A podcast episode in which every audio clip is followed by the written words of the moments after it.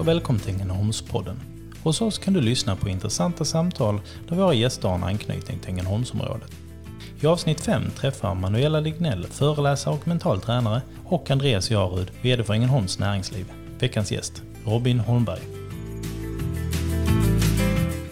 Hej och välkommen till Ängelholmspodden. Jag heter Manuela Lignell och med mig idag har jag Andreas Jarud, VD Ängelholms Näringsliv. Välkommen hit. Tack Manuela.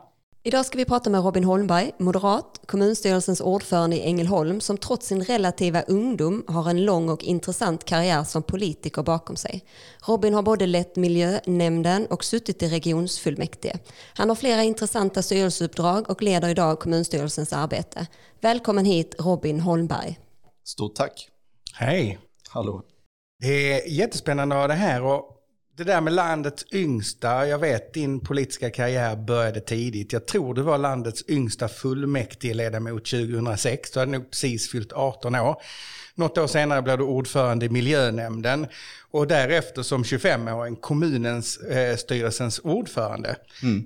När, när tändes ditt politiska intresse? Föddes du med eller? Jag skulle nog nästan säga att det var så. Um, när jag växte upp så um, min pappa var väldigt stolt över att han var aktiv i MUF, då, Moderaternas ungdomsförbund, i Klippan när han växte upp. Och satt som ersättare i fullmäktige där och, eh, och lite sådana saker. Och nyheterna har alltid varit viktiga för oss, att man skulle följa det och följa valvakor och annat. Så att, ja, jag har alltid tyckt att det var viktigt. Har det alltid varit Moderaterna som har varit liksom ditt intresse eller har du sneglat på de andra partierna innan du valde liksom inriktning? Nej, det vill man ju gärna säga. Att det var någon ungdomsrevolt eller någonting sånt där som gjorde att man valde något helt annat än vad, vad pappa valde. Men nej, så var det inte, utan det har nog alltid varit Moderaterna. Det är ju ofta så att eh, man har kanske förebilder runt omkring sig som, som präglar en och här har då du som sagt din pappa som har präglat mycket kanske av vad du har valt och just nu Moderaterna och nyheterna och så vidare. Eh, jag minns ju när vi träffades från första gången, då, då jobbade jag som lärare på Framtidsskolan i Ängelholm och eh, du var en elev där då. Mm. Och du gick faktiskt en, en, en liten kurs hos mig. Jag, jag, jag tror jag har kommit fram till att det var så. eh, nej men det kommer jag ihåg och alltså, jag har tänkt mycket på det här att Manuela måste ju ha varit alldeles ny som lärare då. Eh, sen tror jag inte du var där så himla länge men, eh, men jag minns det mycket väl. Och det var ju en väldigt speciell skolmiljö det där. Så Kul. Ja. Framtidsskolan är ju en, en form av friskola. Och eh, det jag kan uppleva var att det var väldigt eh, mycket frihet jämfört med den traditionella skolan och man fick ta mycket ansvar och så. Var det någonting som kanske präglade dig längre fram sen? Jo men det tror jag och just det här att vi vet ju att en av de största politiska frågorna är ju det här med skolor och välfärd och sådär eh, om, om vi ska ha fria alternativ där. Och jag tror ju att mina egna erfarenheter av friskola då har påverkat att jag är positivt inställd. För jag ser att det kan göra väldigt mycket gott för de som av en eller annan anledning kanske inte vill gå i den vanliga skolan. Var det Robin då som liksom var med i MSU där också? Nu måste vi dra igång någonting och så eller? Jo men det var, det var faktiskt så. Eh, jag kan ju berätta den historien att det började egentligen med att vi tyckte att elevrådet på skolan fokuserar på fel saker. Och eh, då sa vi, men vad gör vi? Vi kan inte starta ett konkurrerande elevråd, utan vad gör vi? Vi startar en MSU-förening istället. Ska vi säga det är moderat skolungdom vi pratar om då? Just det. Och sen blev det liksom att vi ringde ner till kansliet i Malmö och sa att nu vill vi starta en förening här och kan ni hjälpa oss? Eh, och då sa de att nej, vi tycker ni borde ta över den lokala MUF-föreningen istället eftersom den var lite vilande vid det tillfället. På den vägen är det lite grann kan man säga det är rätt spännande där att man liksom har med sig ett engagemang hemifrån och att man tar liksom bollen hela vägen och engagerar sig kanske då först i sin egen situation och sen går över i eh, det allmännas på något sätt. För att min förutfattade mening är i alla fall att som politiker så måste man bry sig väldigt mycket om det lokala och det allmänna för att orka driva sina frågor. Kan du inte berätta lite hur det är? Jo men så, så, är det och jag tror alla som är politiskt aktiva och kanske framförallt på lokal nivå är ju det för att man brinner väldigt mycket för det som finns runt omkring oss. Alltså det kan vara barnens skola, det kan vara föräldrarnas äldreomsorg eller vad det nu är. Men just den, den här lokala närvaron och att man känner väldigt mycket för där man bor. Eh, det är någonting jag tycker går igen hos alla som jag jobbar med, oavsett parti egentligen. Så tycker vi ju olika i olika frågor och så, men men det är just det här engagemanget för närmiljön, hembygden som är, är liksom den starka drivkraften. Jag vet att jag ibland tänker så här, alltså jag har haft eh, Robin som elev, han är ändå kommunstyrelsens ordförande och så ung. Alltså har det inte varit, eh, jag tänker, vad, vad ser man för utmaningar alltså, som väldigt ung komma in i politiken? Alltså jag tror att man går igenom lite olika faser när man kommer in ganska ung i politiken. Först när man kommer med och man startar en mufförening eller sådär, då tycker alla det är fantastiskt. Här har ni massor med pengar att göra spännande saker för. Och sen vill man gärna ha in folk på listorna eh, och det är också bra. Sen är ju risken att när man liksom tar det steget från att vara den som är ung och ny eh, till att bli någon som faktiskt vill någonting, kan någonting och också kanske beredd att ta för sig. Att man kan uppfattas som ett hot också. Då, då är det kanske inte lika charmigt längre.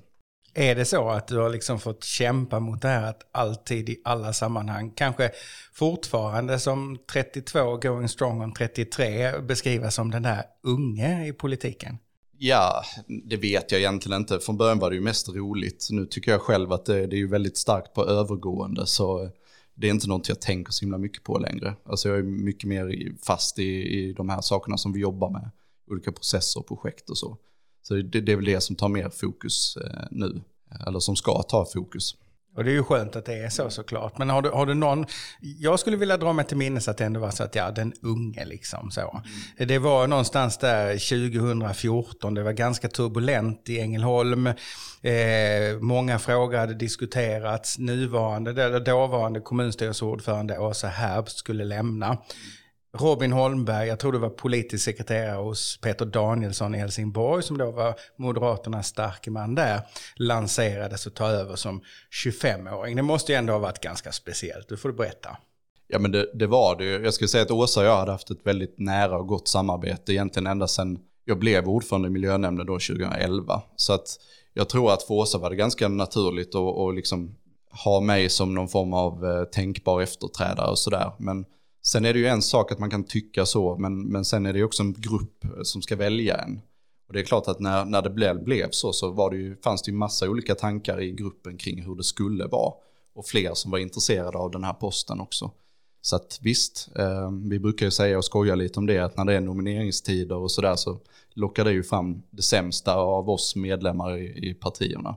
Men det är väl för att det är så mycket som står på spel. Och det är klart att en sån här post är ju väldigt ansvarsfull och det, kommer ju mycket med det också som jag tror att många tycker är attraktivt och spännande. Känner du om du får tänka tillbaka, var du, var du redo att ta över det ansvaret efter Åsa Herbst? Det får man väl ändå konstatera att det kanske man inte ska göra. Jag vet inte.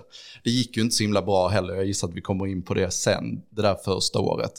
Eh, jag har reflekterat väldigt mycket över eh, vad som hände och sådär, men jag tror kanske att det var nog lite för tidigt. Men å andra sidan så resonerar jag så här att en sån här chans, det kommer kanske en, en gång i livet. Det är väldigt många bollar som ska studsa rätt för att man ska få den chansen igen.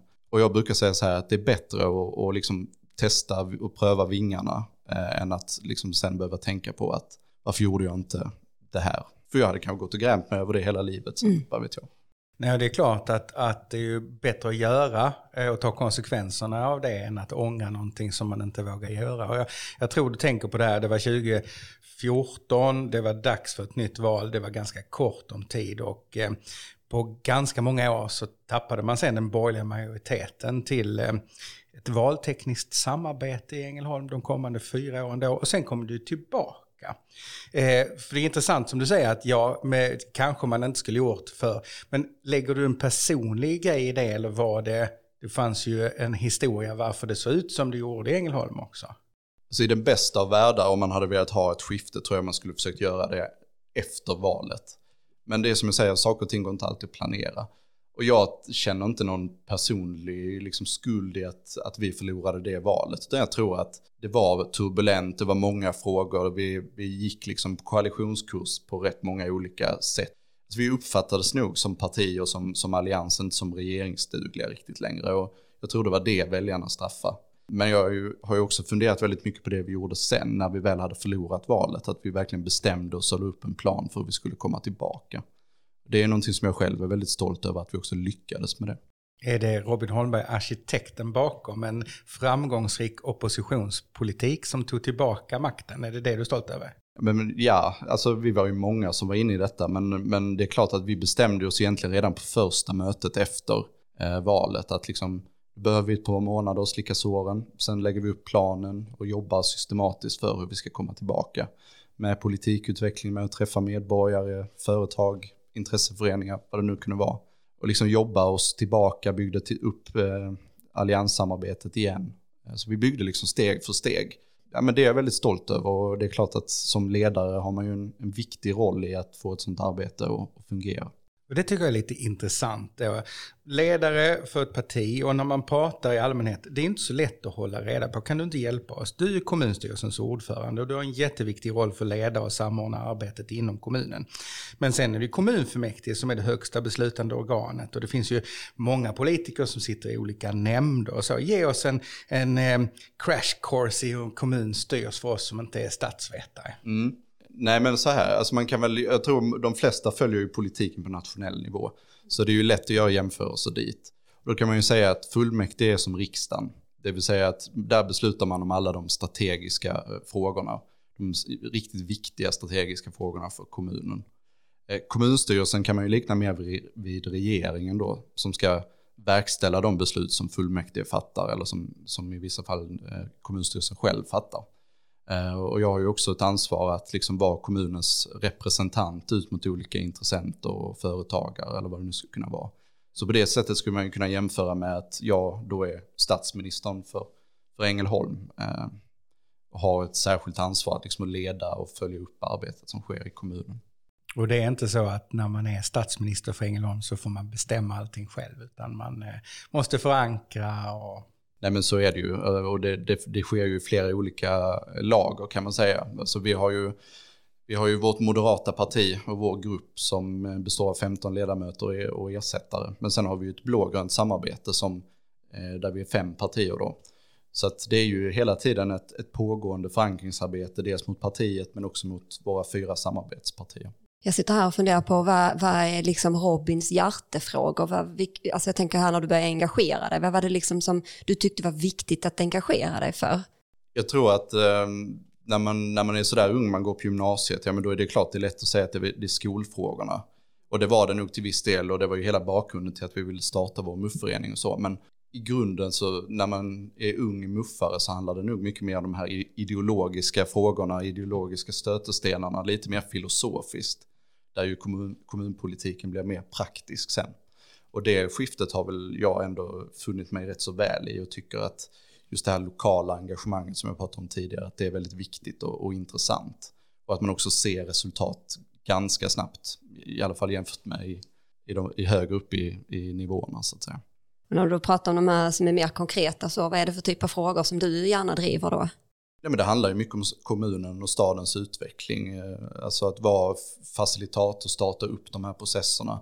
Jag tänker visionsprocessen som vi är inne i nu till exempel. Vi pratar trafik, gissar att vi kommer att prata lite senare kanske.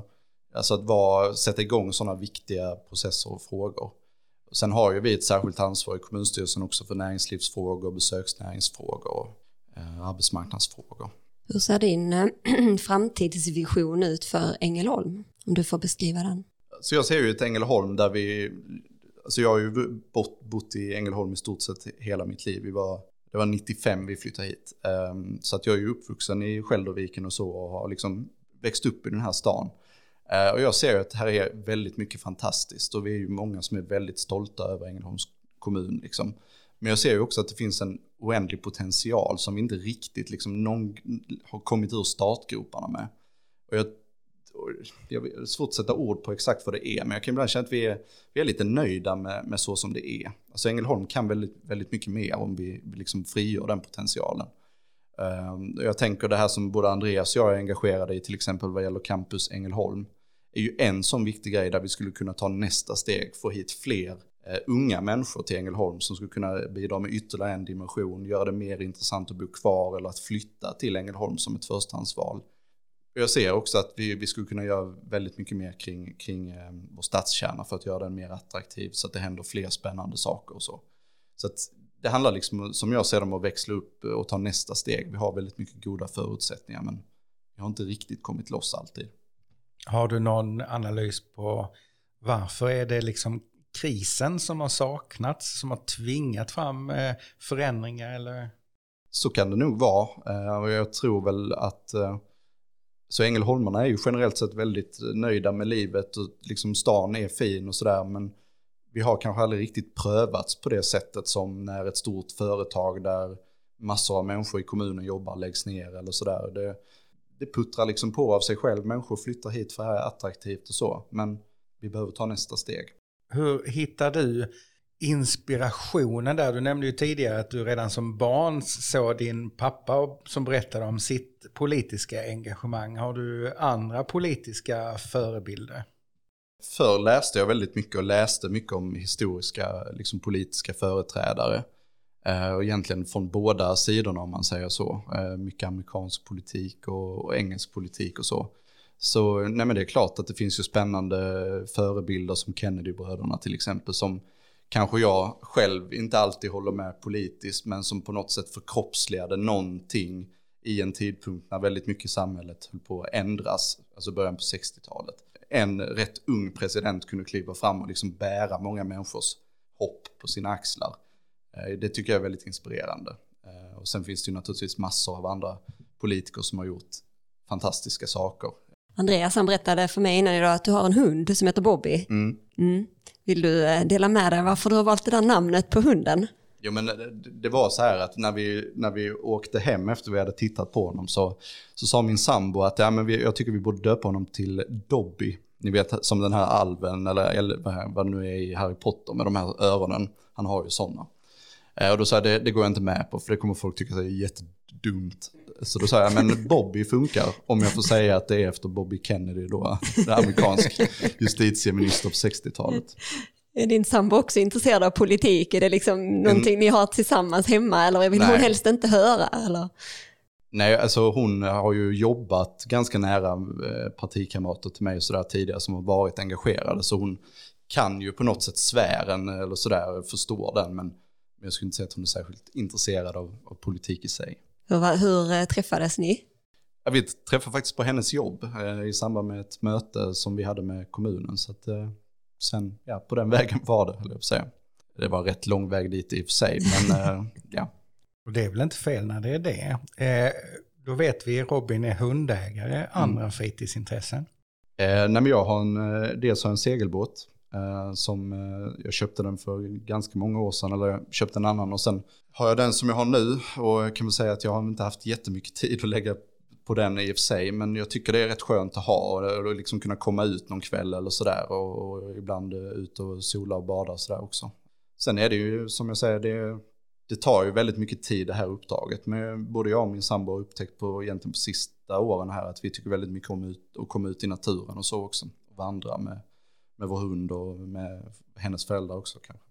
Och utan uppkoppling så kanske man får vara i fred. Får du lov att vara i fred när du går och handlar till exempel i Ängelholm? Ja men hyfsat tycker jag. Sen jag tycker det är väldigt trevligt liksom att prata politik och prata lokala saker med folk när, när folk är trevliga tillbaka liksom. Så att, men, men överlag tycker jag ändå att det är hanterbart. Det är inte så jätteofta jag blir stannad på Maxi eller sådär. Man kan ibland se att folk tycker att de känner igen en och tittar liksom sådär. Men men ofta är det människor som man är lite halvt bekant med kanske, som tar det steget och, stoppar en så. Men jag tycker det är mest trevligt. Nej, det är klart att när man väljer att, att verka och bo i samma samhälle så, så, får det ju den konsekvensen att man blir lätt igenkänd. Och jag tror kanske att det kan vara svårt att vara politiker och känna att jag kan inte ta de medborgarsamtalen utanför arbetstid. Samtidigt måste det ju vara viktigt för dig att få eh, koppla av lite. Och kan tänka mig ibland att det riskerar att vara just när man själv får den där viktiga semesterdagen. Det är då telefonen ringer och det är både tidningen som ringer och det är någon partikamrat. Och så här. Hur hanterar du stressen kring det? Alltså jag, jag tror i grunden att jag är ganska stresstålig och jag har liksom det som jag brukar säga att vara politiker eller fritidspolitiker eller att vara på den att vara, så att jag heltid med politik, då har man ju också valt ett liv och det måste man ju vara väldigt medveten om när man kliver in i det. Så det är egentligen inte så, så svårt sådär. Ehm, men sen ibland, jag försöker tänka att ja, men jag, jag samlar ihop det, om det har ringt och mejlats under en dag så försöker jag sätta mig ner och beta av det på kvällen kanske eller något sånt när man varit ledig. Men det är ju som du säger, det är ju alltid dålig timing på sommaren till exempel när det är semester och någonting händer. Så är det ju, men, men det tillhör ju det här livet som jag har valt. Du har aldrig funderat liksom på att nej, nu, nu räcker det med politik, nu vill jag göra något annat? Egentligen bara en enda gång och det var inför valet eh, nu senast. Där jag ju liksom hade gick ju in med liv och lust 2014 och åkte på den, eller vi åkte på den här smällen. Eh, vi reste oss och kom tillbaka. Det var ju väldigt mycket som stod på spel där. Det var, då kände jag väl att om, vi, om det nu inte bär sig och det går hela vägen, vad ska jag göra då? Och jag hade nog egentligen inget svar på om jag ville fortsätta eller om jag ville göra någonting annat. Men det är i alla fall den enda gången som jag riktigt har i alla fall funderat i de banorna. Att... Jag tror utanför politiken så har du jobbat som säljare bland annat. Ser du några likheter mellan att vara politiker och säljare? Nej, det, det är väl svårt att säga, men det handlar väl, handlar väl mycket om att kunna prata, liksom, prata för varan på något sätt. Det är väl det som är och jag har ju jobbat eh, lite i, i vårt familjeföretag som vi har ihop med en annan familj. Och det, det är klart att eh, det har ju varit en väldigt värdefull skola för mig och jag tror jag lärde mig ganska mycket hur man skulle liksom ta människor som kom in i butiken och sådär och prata. För jag vill nog tänka att jag, jag var ganska blyg när jag var yngre. Men att liksom ta sig ur det där och börja prata med människor liksom och tvingas att prata med människor, ta människorna när de dyker upp så att säga i, i, i butiken. När vi spelade in vårt första avsnitt av Ängelholmspodden så hade vi Maria Roth som gäst här. Hon pratade ganska mycket om jämställdhet och hon nämnde just om att kommunerna också har ett ansvar där att se till så man fördelar eh, pengar, pengapotten lika på, på pojkar och flickor. Så hur skulle du säga att vi, vi förhåller oss till det i Ängelholms kommun? Nej, men när det gäller barnidrotten så är det ju väldigt eh, jämställt på det sättet att där är det ju liksom en aktivitet ger så här många kronor och det är samma om det är ett flicklag eller ett pojklag och så. Men när det gäller den professionella idrotten är det ju klart lite annorlunda. Vi försöker ha ett ganska marknadsmässigt förhållningssätt till det här med elitsponsring och så i Ängelholm, där vi tittar på vilken exponering får vi genom att vara med och bidra. Och där är det väl tyvärr så att i vissa sporter så är ju, eller i de flesta sporterna så är ju herrserien mer framträdande så att säga. Det är väl egentligen volleybollen som, det kanske är vi som bor här som är skadade, men där uppfattar jag ju att liksom damvolleybollen är ju väldigt stark.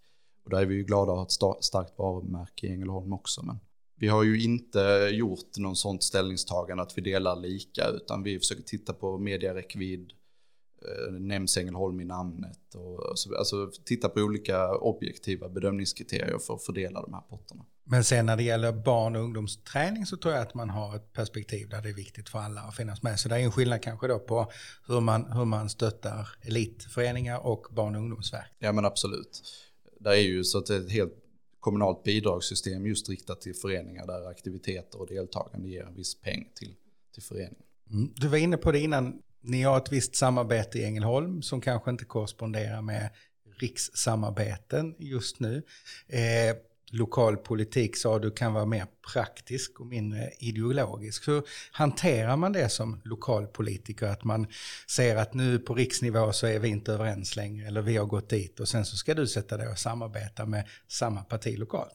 Det är en intressant fråga, jag brukar få den ganska ofta för det är klart att som vi har ett blågrönt samarbete eller ett allianssamarbete, det blir ju mer och mer ovanligt eh, eftersom läget är som det är på nationell nivå.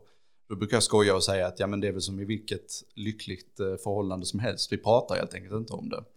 och, och, och, det ligger kanske ändå någonting i det att vi försöker hålla oss ifrån och liksom diskutera vad de hittar på uppe i Stockholm på våra interna möten. För vårt fokus är ju ändå Ängelholm. Men hur mycket påverkar den det? Alltså det händer ju väldigt mycket uppe i Stockholm och så. Hur mycket liksom det som händer där, hur mycket rinner det ner sen och, och påverkar ert arbete här? Det påverkar ju väldigt mycket vad, beroende, liksom vilka, när de sätter sin budget och vilka satsningar och så, så där de gör. Men i övrigt så är ju egentligen det kommunala självstyret ganska stort i Sverige. Och det vill ju vi som kommunpolitiker att det ska vara. Så vi kan ju bestämma över skola och alla våra verksamheter så där så länge vi håller oss till de lagar som, som styr oss. Och det är inte så man ringer till Robin och säger nu får du inte samarbeta med Centerpartiet längre för nu vill inte de samarbeta med oss utan man Nej, jag tycker snarare tvärtom. Jag ganska, eh, ganska ofta, men ibland kontakt med vår partisekreterare och även med, med Ulf Kristersson. Och liksom deras budskap är ju att vi ska inte paja någonting som funkar lokalt genom det vi hittar på i Stockholm. Utan liksom varje kommun är unik, varje kommun har sina företrädare och vi väljer att fokusera på det som förenar oss. Är det ett eh, recept för framgångsrik politik att också fokusera på det som förenar klart diskutera skillnaderna men också klara av att eh, i pauserna mellan sammanträdena måste man ju ändå på något sätt kunna hantera alla oavsett vilken hetsk debatt man har haft i fullmäktige precis innan. Till. Alltså jag tycker vi har ett ganska gott klimat i Ängelholm ändå. Jag kommer ihåg då den här sista, alltså 2010-2014 tror jag Ängelholm var den kommun i Sverige som hade näst högst konfliktnivå i fullmäktige. Och hur räknar man då, då det? Jo men det är väl hur ofta man röstar olika så att säga. Det var också stundtals ganska dålig stämning rent debattmässigt så. Jag tycker ändå att vi har tagit oss förbi det och tagit oss över det och har ett mycket bättre liksom, samtalsklimat i Ängelholm idag än vad vi hade för, för bara några år sedan. Då blir jag ju lite nyfiken. Vad var det som gjorde att ni tog er förbi det och fick det här bättre klimatet och kunde liksom prata på en bra nivå? Svårt att säga, men ofta är det ju, det kan ju vara en enskild företrädare eller en enskild fråga eller vad det nu ska kunna vara som, som faktiskt kan sätta stämningen för en hel grupp om 51 då som vi är. Och jag upplever inte att det är så riktigt så längre. Känner du som liksom ledare i ett parti att du har ett större ansvar då att försöka få ihop gruppen och tänk på det här när ni argumenterar och så, eller är det liksom var man och kvinna för sig själv? Så jag tycker i grunden att vi är ganska städade. Ibland säger vi moderater att vi kanske är för städade. Alltså att politiken blir mer och mer konfrontativ och vi vill ändå liksom, ja men vi har våra fakta och våra siffror och vi liksom vill göra vårt case på det sättet. Och det kanske blir, det är kanske svårare att nå ut i ett, liksom ett politiskt diskussionsklimat där det går mer ut på liksom punchlines och snabba poänger och sådär. Um, och det kan jag ju tycka är en tråkig utveckling generellt sett för det politiska samtalet. Men, men jag tycker ändå att vi i, i vårt parti och i de andra partierna i Ängelholm har, har en, en, en god debattton. Vi är ju ett väldigt speciellt läge idag med tanke på den pandemin som, som råder för tillfället och det händer ju, ja, man får uppdateringar varje dag. Eh, hur, hur går dina tankar kring, eh, kring corona? Så det har ju präglat eh, jättemycket av det senaste året och det jag höll på att säga, vi har ju knappt, det stämmer inte, vi har pratat om väldigt mycket 2020 men, men det har ju varit så att det har ju legat som ett täcke på allting under, under snart ett år. Eh, och vi jobbar ju med detta dagligen. Vi har en, en, liksom en välfungerande krisorganisation i Ängelholm. Och det som från början var kanske några veckor, några månader har ju nu blivit nästan ett år. Det påverkar mycket och vi ser nu att det finns en trötthet i organisationen också så man har ju kämpat på och jobbat och liksom gjort mer än vad som kanske förväntas nu månad in och månad ut under 2020. Och nu ser man när vi ska börja sätta oss och göra budget och interna processer igen att det där är en trötthet i organisationen.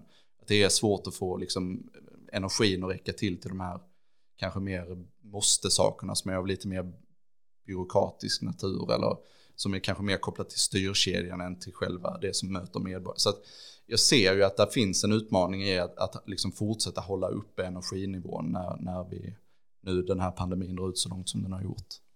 Har det påverkat eh, politiska? Vi har ju sett det i tidningen, det är digitala möten och man chattar med medborgare istället. Upplever du att det har påverkat din förmåga eller din möjlighet som politiker att liksom få ut ditt budskap och ha en god dialog?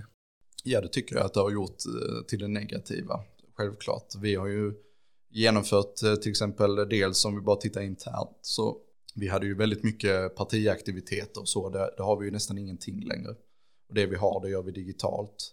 Eh, vi har inte kunnat stå på torget eller knacka dörr eller liksom göra nedslag i våra kransorter under hela 2020.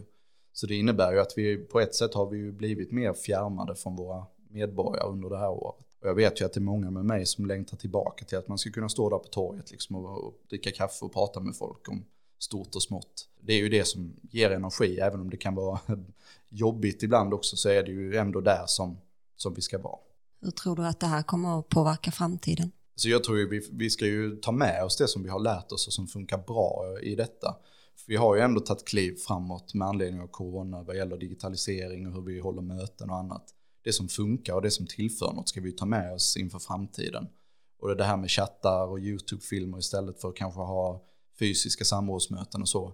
Det tycker jag ju vi ska fortsätta med. Kanske inte ersätta det vi traditionellt sett gör, men att komplettera det vi, vi redan gör. Så jag tror nog ändå att vi har lärt oss tagit språng framåt som hade tagit mycket längre tid att göra annars. Det tror jag gäller i vår bransch som i alla andra branscher. Är det en kris och något ont så kan det komma något gott alltså också då?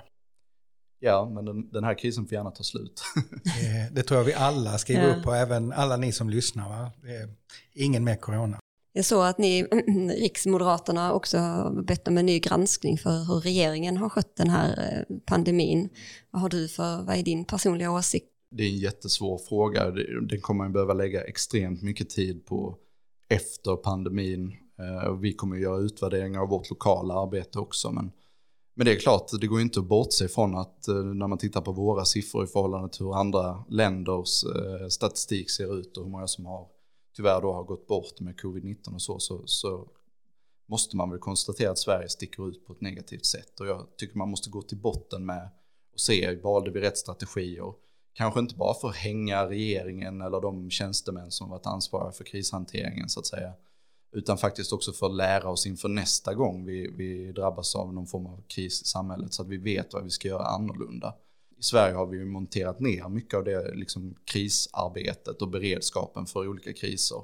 Och där måste man ju ta ett jättestort häv igen för det kan vara militära kriser men det kan också vara pandemier eller, eller liksom annat som, som påverkar oss. Eh, och det handlar liksom dels om att vi måste ha skyddsmaterial och allt det här som vi behöver. Men också som jag säger den sociala beredskapen. Så om vi inte kan genomföra barnidrott och träningar till exempel. Hur ser vi till att barn inte far illa? Om vi inte kan skicka dem till skolan för att vi måste hindra smittspridningen. Hur ser vi till att de får mat hemma eller att vi kan ta hand om de som, som kanske inte har det så, så bra hemma som man borde ha? Den frågan tror jag man måste prata om lika väl som just de här mer hårda värdena. Att vi måste ha mat och vi måste ha eh, skyddsmasker och allt det här. Så är samhället robust nog att kunna hantera den här typen av kriser? Vi har ju en nationell hantering men vi har också en regional hantering. Regionen hanterar ju sjukvården etc. Hur upplever du det har funkat i samarbetet mellan det lokala och det regionala i den här pandemin? Vi samarbetar ju dels, eh, det är väl framförallt Länsstyrelsen egentligen som är kommun, kommunernas eh, samarbetspartner i detta och Region Skåne finns ju där också. Nu har ju vaccineringarna kommit igång och det jag fick till mig idag är att det funkar väldigt väl, samarbetet mellan våra vårdcentraler och sjukhus och kommun och så. Så det är väl inte så mycket att säga där. Det är klart att vi tycker väl kanske att när, när vi nu har hållit på med det här i nästan ett år att vissa saker som, som Länsstyrelsen till exempel håller i borde kunna ha satt sig vid det här laget och funka bättre. Men det är väl också en sån grej som man borde, måste ta med sig, se till att vi har upparbetade kanaler och, och liksom mer eller mindre en perm vi kan ta där det står att så här gör vi, så här kommunicerar vi i en kris. Jag tänkte på det du sa Andreas, just med att det kommer oftast någonting gott ur en sån här situation också. Och det kan ju vara till exempel att, att man ser över rutiner både i sjukvården och i äldreomsorgen. Att man kanske istället för att fortsätta en, en, någon form av nedmontering, att man ser till så att man, man, man tryggar upp den inför framtiden. Så att man är mer förberedd också när det, när det kommer liknande situationer igen. Jo men så är det och liksom det är därför jag också säger att vi måste ju, alla måste ju granska, inte för att liksom sätta dit någon, utan för att se vad, vad har vi gjort bra? Vad kan vi utveckla till nästa gång? Det är ju så vi lär oss. En annan effekt av covid diskuterade vi med Christian Sisi i en tidigare podd som är vd för flygplatsen.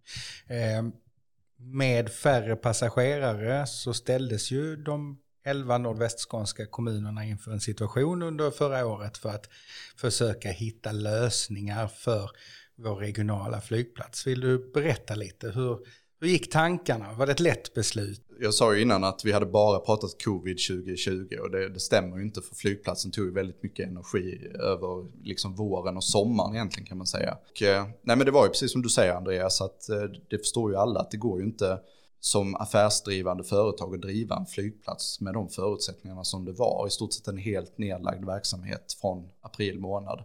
Eh, och det är klart att vi som 11 kommuner, vi var ju sex kommuner som valde att gå vidare och sen blev vi sju. Vi såg väl att, att konsekvenserna blev för stora om flygplatsen försvinner.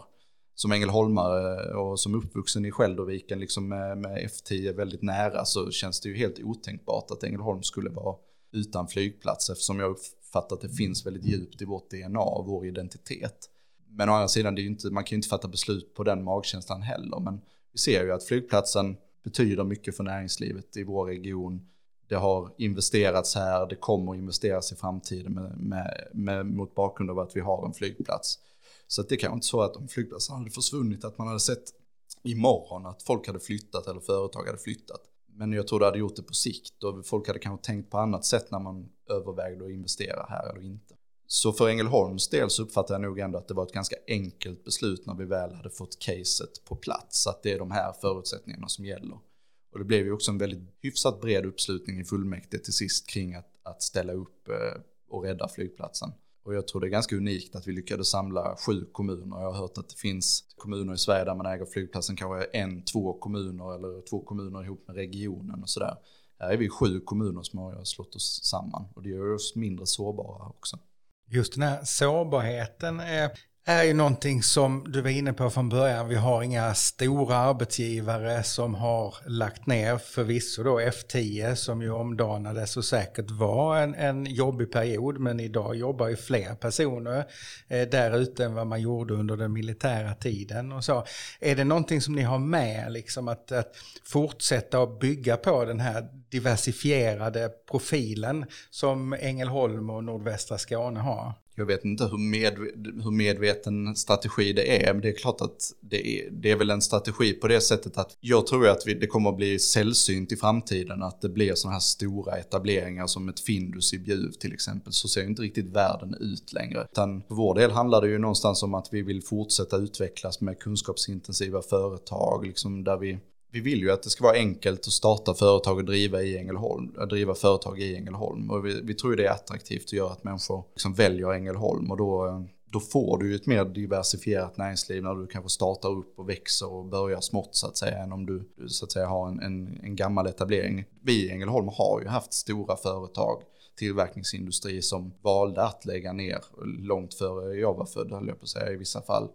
Eh, men vi tog oss ju förbi det och idag ser strukturen annorlunda ut. Så vi vill väl fortsätta bygga vidare på den. Sen tycker jag väl att vi måste fortsätta bli bättre på det här med att bejaka liksom nya företag, kreativa miljöer och sådär. Eh, som vi har ju pratat mycket om, där kan ju det här med akademin och högskoleutbildningar vara en del i det. Men vi har ju också eh, näringsidkare, näringsidkare, eller vad säger företagare och, och entreprenörer i, i vår kommun som vill skapa den här typen av mötesplatser. Det är också väldigt positivt där, där människor kan komma in och växa som, som företagare. Pratade just om campus Ängelholm mm. innan. Mm. Vad ser du som största utmaningen att få det till Ängelholm? Jag tror den största utmaningen är att få studenterna att välja Ängelholm. För det är inte för att det är dåligt, men, men liksom vi pratar mycket i styrelsen där om att man måste, alltså det är ju vi kan ju ha jättefina byggnader och jättefina utbildningar och jättefina examensarbetesalternativ och så. Men om inte det är intressant att flytta till Ängelholm och bo i Ängelholm så, kan, så spelar inte det så stor roll.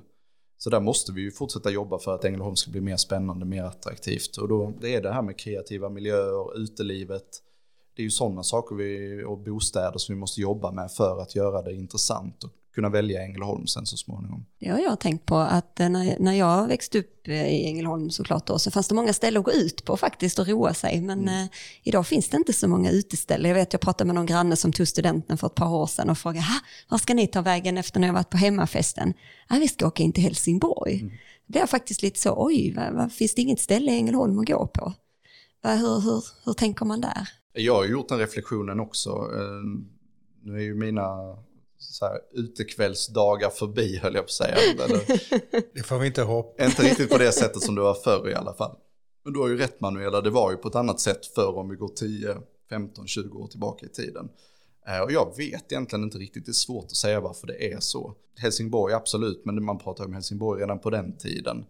Eh, jag vet inte om det är så att dagens ungdomar kanske har lite andra intressen än vad man hade förr när, när vi var ute så att säga. Att det är andra saker som lockar istället jag, en grej som har förvånat mig till exempel, jag, men man är väl som man umgås höll jag på att säga, att det finns ju inget riktigt så här bra ölhak i Ängelholm.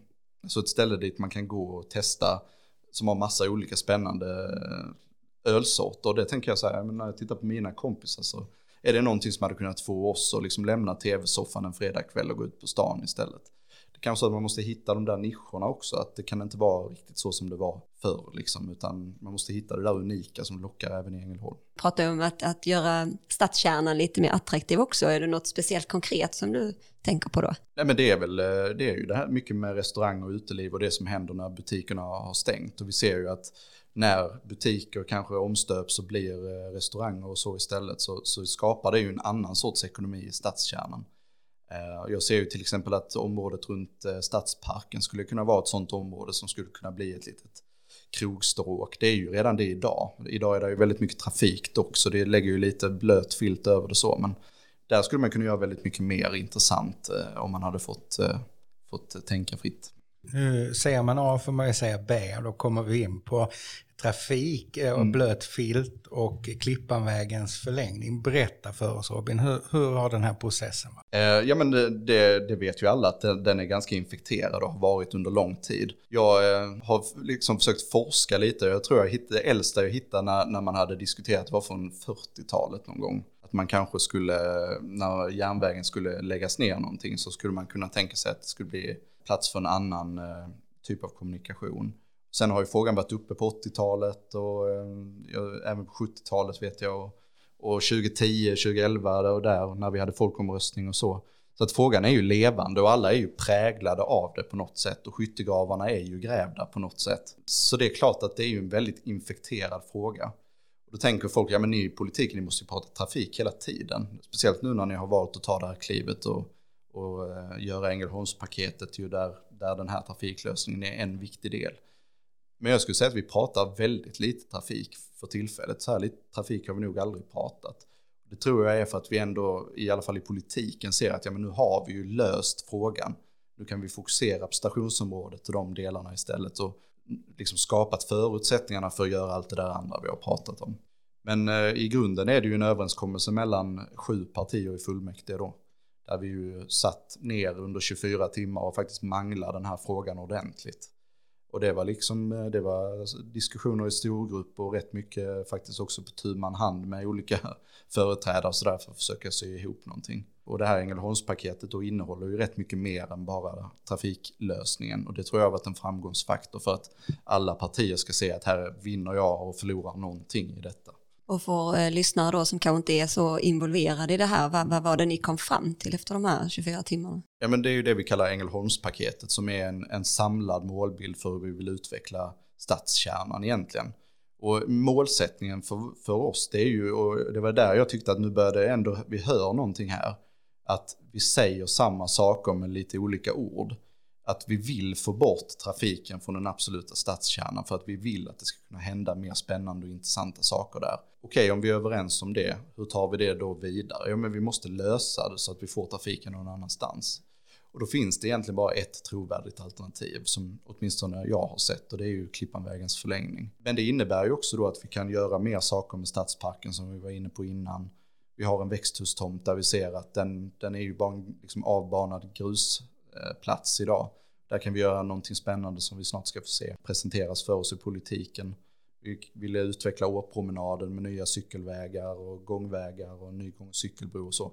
Så att på något sätt hittar vi lite olika komponenter som vi ser skapar någonting större än bara en enskild trafiklösning. Det tror jag var nyckeln till att vi skulle kunna enas om det. Jag tänker på, eh, ibland så Ehm, både Helsingborg och Höganäs, de har ju mycket aktivitet nere vid havet. Vi, Ängelholm har ju egentligen inte så mycket aktiviteter nere vid havet och så. Är det, är det någon diskussion även kring, kring de, de områdena, vad man skulle vilja göra för att kanske få det mer attraktivt och mer rörelse och mer liv nere vid, vid stranden? Ja men det, det gör det jag tycker Höganäs har gjort det fantastiskt bra med de här alltså, eh, orterna som ligger längs med, med havet, eller med vad heter det, kustbandet. Och där tror jag vi skulle kunna göra mer med våra kustsamhällen som ligger norrut. Eh, men det är klart just med stranden och sådär, men, men alltså, tyvärr är det så att mycket av de här olika diskussionerna har ju strandat i att ja, men, vi vill ju egentligen ta in mer trafik i centrum och då vill vi inte heller liksom marknadsföra och göra grejer på den sidan som lockar människor. För då bygger vi på det här problemet.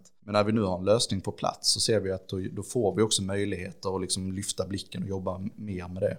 Sen har vi ju ett, ett väldigt vällovligt initiativ i den här kallbadhusföreningen. Där ju vi från kommunens sida har tecknat en avsiktsförklaring med dem att vi vill titta på om vi kan möjliggöra det här tillsammans. Det skulle kunna vara en viktig del för att göra det du säger. Vad tror du, kommer det bli ett kallbadshus i Ängelholm? Det hoppas jag verkligen. Sen är det en lång väg att gå. Eh, för vi har ju sagt att vi vill ju helst inte behöva finansiera det med kommunala pengar. Utan vi kan stå för detaljplan och de utredningar och så som behöver göras. Men vi hoppas ju att föreningen ska kunna samla in de pengar som krävs för att göra den här investeringen. Det är alltid spännande när vi hör att eh, utveckling längs havet strandar. Eh, det kan det ju göra ibland såklart. Eh, men också då att, att man har diskuterat trafiklösning i 40 år. Så tycker du, tar det för lång tid i Ängelholm att komma fram till lösningar? Det tycker jag att det har gjort. Jag menar under de åren som jag har varit i politiken är det ju snabbt att räkna upp liksom ett antal olika saker som vi inte riktigt har kunnat lösa trafiken, biblioteket, parkskolan med mer liksom, eh, stadshus. Och jag har väl ofta varit väldigt frustrerad över att vi har lagt så mycket tid på, på det och att vi borde komma loss liksom så vi kan fokusera på nya grejer. Och jag tycker att nu har vi fattat beslut om alla de sakerna under den här mandatperioden så det är jag ju väldigt nöjd med. Å andra sidan får man ju då kritik för att ja, men vi borde diskutera det här, vi borde få tycka till och sådär. Men det har vi faktiskt gjort under väldigt lång tid i Ängelholm. Nu är det dags att politiken sätter ner foten liksom och väljer väg. Så behöver inte alla liksom älska den vägen vi valde, men då har vi åtminstone beslutat, rört oss framåt och så kan vi ta i nya frågor. Är det kanske det också som är på något sätt demokrati? Man diskuterar, man kommer fram till, man tar majoritetsbeslut och sen så ska man också genomföra det man kommer fram till. Jo men så är det ju. Eh, och liksom, I en demokrati kan man ju göra nästan hälften missnöjda. För det är ju den som får majoritet för sitt förslag är ju den som får välja vilken väg vi ska gå. Eh, och då kommer ju de andra vara missnöjda. Men ofta är det ju så att när saker och ting väl är färdiga så brukar ju ändå de flesta kunna enas om att det blir rätt bra till slut ändå. Och det tror jag att vi kommer se med rätt många av de här stora frågorna. Ja, eh, när jag tittade lite på din bakgrund och så, så blev jag lite nyfiken på en liten utstickare 2015. Mm. Då du valde att gå en grundläggande soldatutbildning mm. för frivilliga. Mm. Hur kom det sig att du eh, bestämde dig för att göra det? Jag vet inte. Det var faktiskt därför jag blev ombedd att ta med en sån här personlig sak också. Och jag tog med min eh, hemvärnsbasker som eh, är ett resultat eh, av den här utbildningen som jag gick. Och det var egentligen efter att vi hade förlorat valet. Och jag kände mig rätt så vilsen. Kände, tyckte inte det var jätteroligt liksom. Utan liksom komma in med så mycket energi och vilja och så blir det liksom ett sånt antiklimax.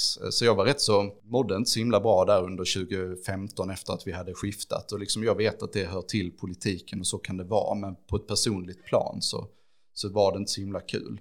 Och då kände jag att jag tillhör ju den generationen där man liksom inte, där de nästan bad en när man mönstrar att inte vilja göra lumpen.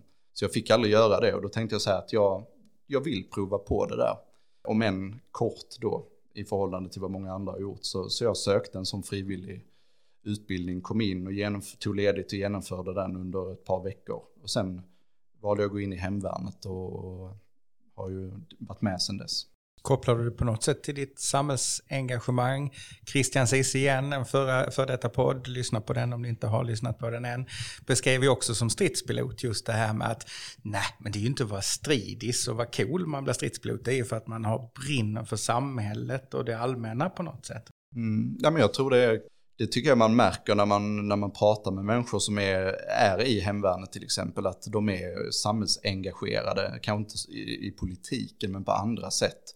Ofta är det liksom folk som är deltidsbrandmän, de är också eh, hemvärnsmän och det kan vara poliser och sådär. Det är ju ett problem för Försvarsmakten för så där har man folk som behöver vara på två ställen samtidigt när det blir kris. Men jag tror att det är liksom, ja, men människor med ett samhällsengagemang och som vill eh, liksom ställa upp som, som söker sig till det. Och det är klart, jag känner väl också att det är något som resonerar i, i mig, just den här liksom känslan av att vilja ta ansvar och plikt på något sätt och sådär och faktiskt också känna på att pröva sina vingar med någonting annat än det man håller på med till vardags. Och jag lärde mig rätt mycket om mig själv också tyckte jag, även om det var en rätt så kort utbildning. Ja men du måste ju berätta, vad, vad lärde du dig om ja, men dig Till själv? exempel just det här när man hamnar i stressade situationer och man ska leda en grupp människor, vad gör man? Där jag insåg ganska snabbt att jag behöver jobba på det. För jag, om jag hamnar i den, den typen av situationer, då vill jag göra själv. Då löser jag uppgiften själv. För jag litar inte på att de andra kommer, kommer göra det. Och att ta ett kliv tillbaka och kunna säga att jo men det måste ju Andreas och Manuela få chans att göra. Mitt uppdrag är någonting annat. Som gruppledare ska inte jag stå där längst fram och, och, och hålla på liksom och, och, och greja utan det har vi ju andra som gör. Jag måste hålla ihop helhet. Nu blev vi kanonmat, eh, mm. Manuela. Här. Mm. men, men vad härligt, där kommer vi också in på det här med ledarskap mm. eh, lite grann. Vad, vad, vad, om du får förklara, vad, har du, vad, är ditt, vad är ditt ledarskap? Vad tycker du är viktigt? Jag misstänkte den frågan skulle komma. Jag blev så stressad, när jag, eller glad att Christian eh, i den förra podden då fick den här frågan, liksom, hur ska man sätta ord på sitt ledarskap? För jag tänkte det hade jag aldrig klarat av. Men, eh, grejen är att jag har liksom aldrig känt så här, men jag vill bli ledare, jag vill bli chef eller sådär, utan mitt engagemang kommer ju någonting annat. Och det är väl det som ibland är lite svårt i politiskt ledarskap, att du blir kanske inte chef eller eh, gruppledare för att du är, liksom har en ledarskapsutbildning, utan det är för dina idéer, att du liksom kan processer och sådär. Men jag försöker ju att ha väldigt stort förtroende för, för de människor som finns både i kommunens organisation, vi har ju jätteduktiga människor, de flesta vill väl. Eh, och jobbar sitt allra bästa. Liksom. Man måste ge dem det utrymmet. Och samma sak i, i partiorganisationen. Jag har stort förtroende för att mina nämndsordförande gör bra saker i sina uppdrag. Och sen försöker jag följa upp det och prata med dem och hjälpa dem när de har bekymmer och, och stötta dem, liksom, finnas till hands. Har du något tips på just det där att vara ledare i det ständiga offentliga strålkastarljuset? Ni kan ju i princip inte göra någonting utan att det skrivs om och belys på olika sätt. Men det är ju, det är ju klart en utmaning och någonting som, eh, alltså i ett, i ett politiskt parti där, där allting bygger på frivilligt engagemang så har du ju inte heller samma verktyg som du har i ett företag eller någon annan organisation där man är anställd och alltså har anställda ett anställningsförhållande och där är vissa spelregler man måste hålla sig till. Utan i ett politiskt parti, eller där bygger ju allting på förtroende på något sätt och man har egentligen inga riktiga maktmedel när någon bryter mot det där förtroendet. Så det är ju liksom en, en balansgång hela tiden. Um, och ibland har det ju varit tuffa samtal med människor som har gjort saker de inte borde, att försöka få dem att förstå att det här håller inte riktigt, utan det, det, risken är ju att det här skadar oss allihopa om, om, om liksom man inte tar konsekvenserna av det. Men jag tycker det är jättesvårt. Och när man då brinner för saker, och man har idéer man har blivit den här politiska ledaren, så ska man ta strategiska beslut och sen så ska en annan organisation eller en utförarorganisation, tjänstepersonsorganisationen, hantera det som ni tar beslut om sen. Vad är, vad är ditt recept för att undvika det här att hamna i cykelställsfrågor som är enklare och roligare att diskutera än de strategiska frågorna? Man får nog vara liksom ganska så öppen med att eh, det finns politiker som vill vara engagerade på den nivån. Och det kan vara okej okay, att man, det man brinner för det väldigt nära.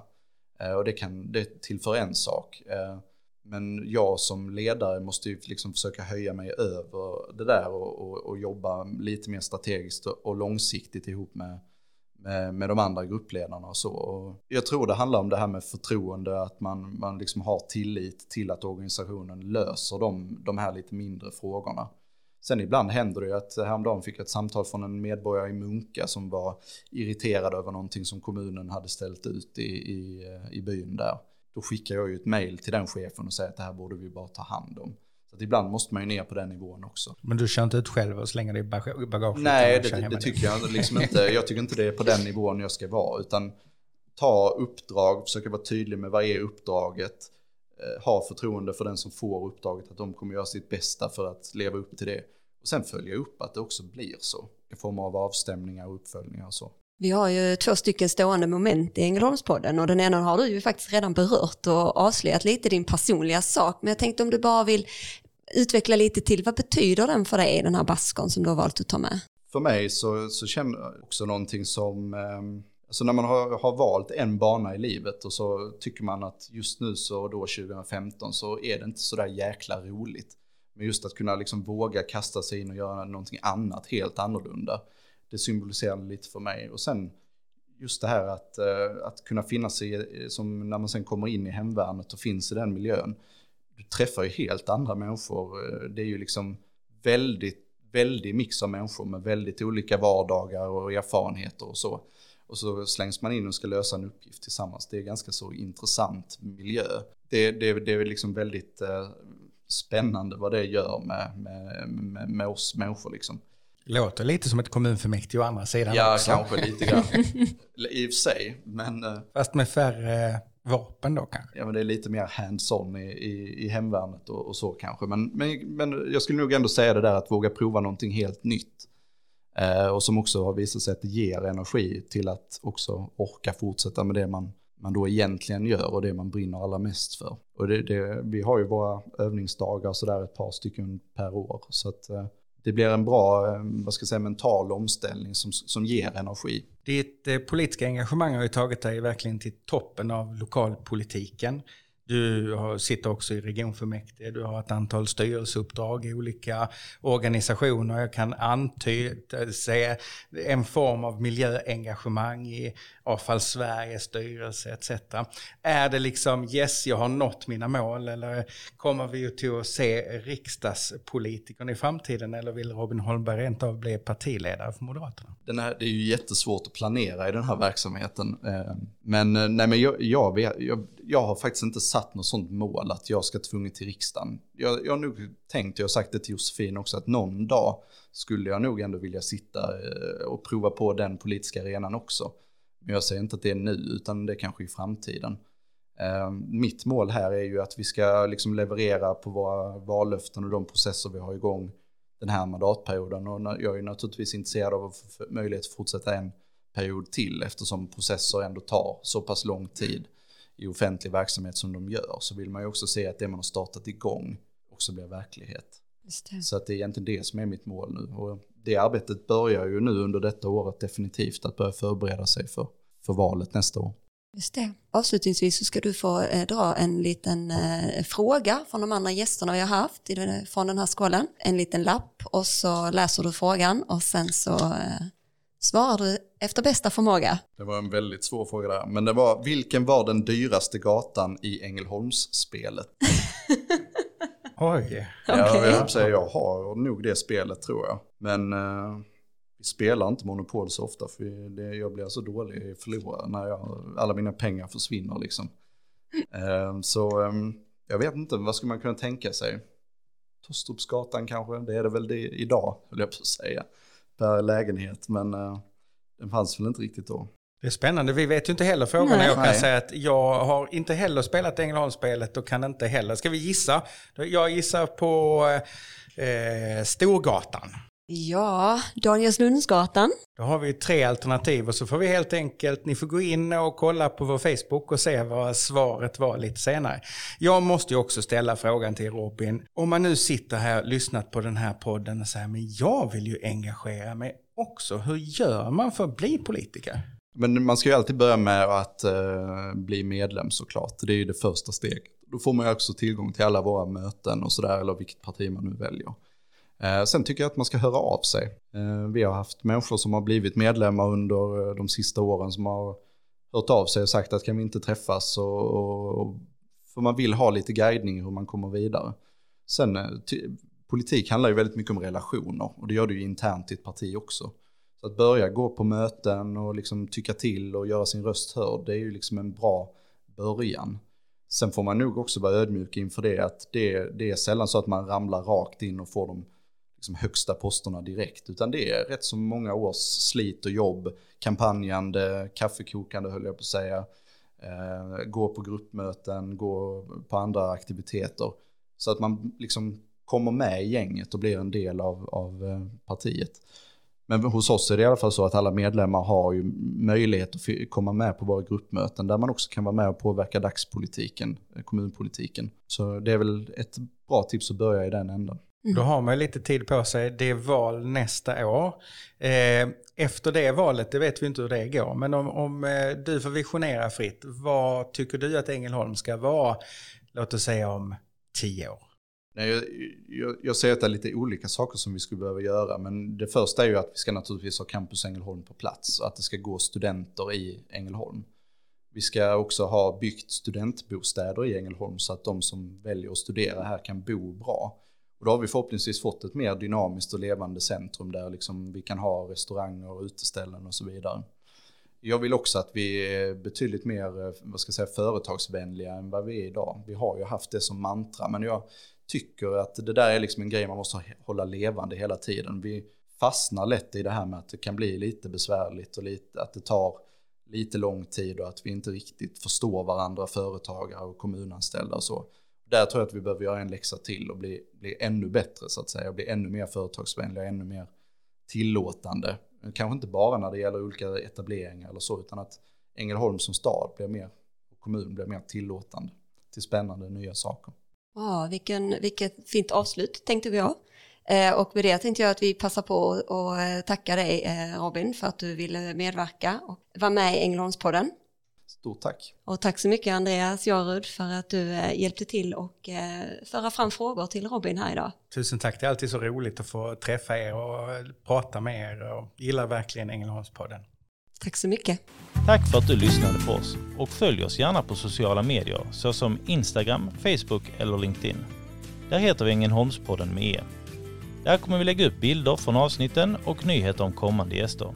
Har ni tips på gäster eller andra frågor, skicka dem gärna till info ängelholmspodden.se. Vi skulle vilja skicka ett stort tack till Fredrik Larsson som lånar ut sin låt Världen är din till oss. Låten finns att lyssna på på Spotify. Och till Pierre Boman som har gjort vår logga. Eftermiddagen är så lång Kaféet är nästan tomt Och jag är lugnet själv Där jag sitter vid ett bord debatt, ett utländskt par Jag sitter mitt emot. Jag hör tidningsbladen vänds Sakta bakom min bil. Det skulle alltid vara vi. Tills vi blev dom Nu är hela världen min lika mycket som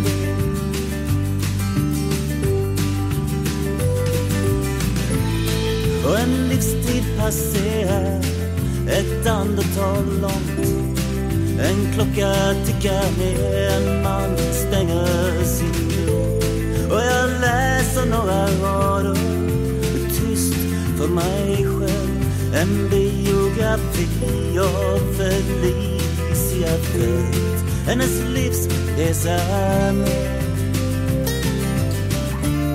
Att i skuggan av sin liv Där i den mörkaste botten låg den vackraste träd. Nu är hela världen med.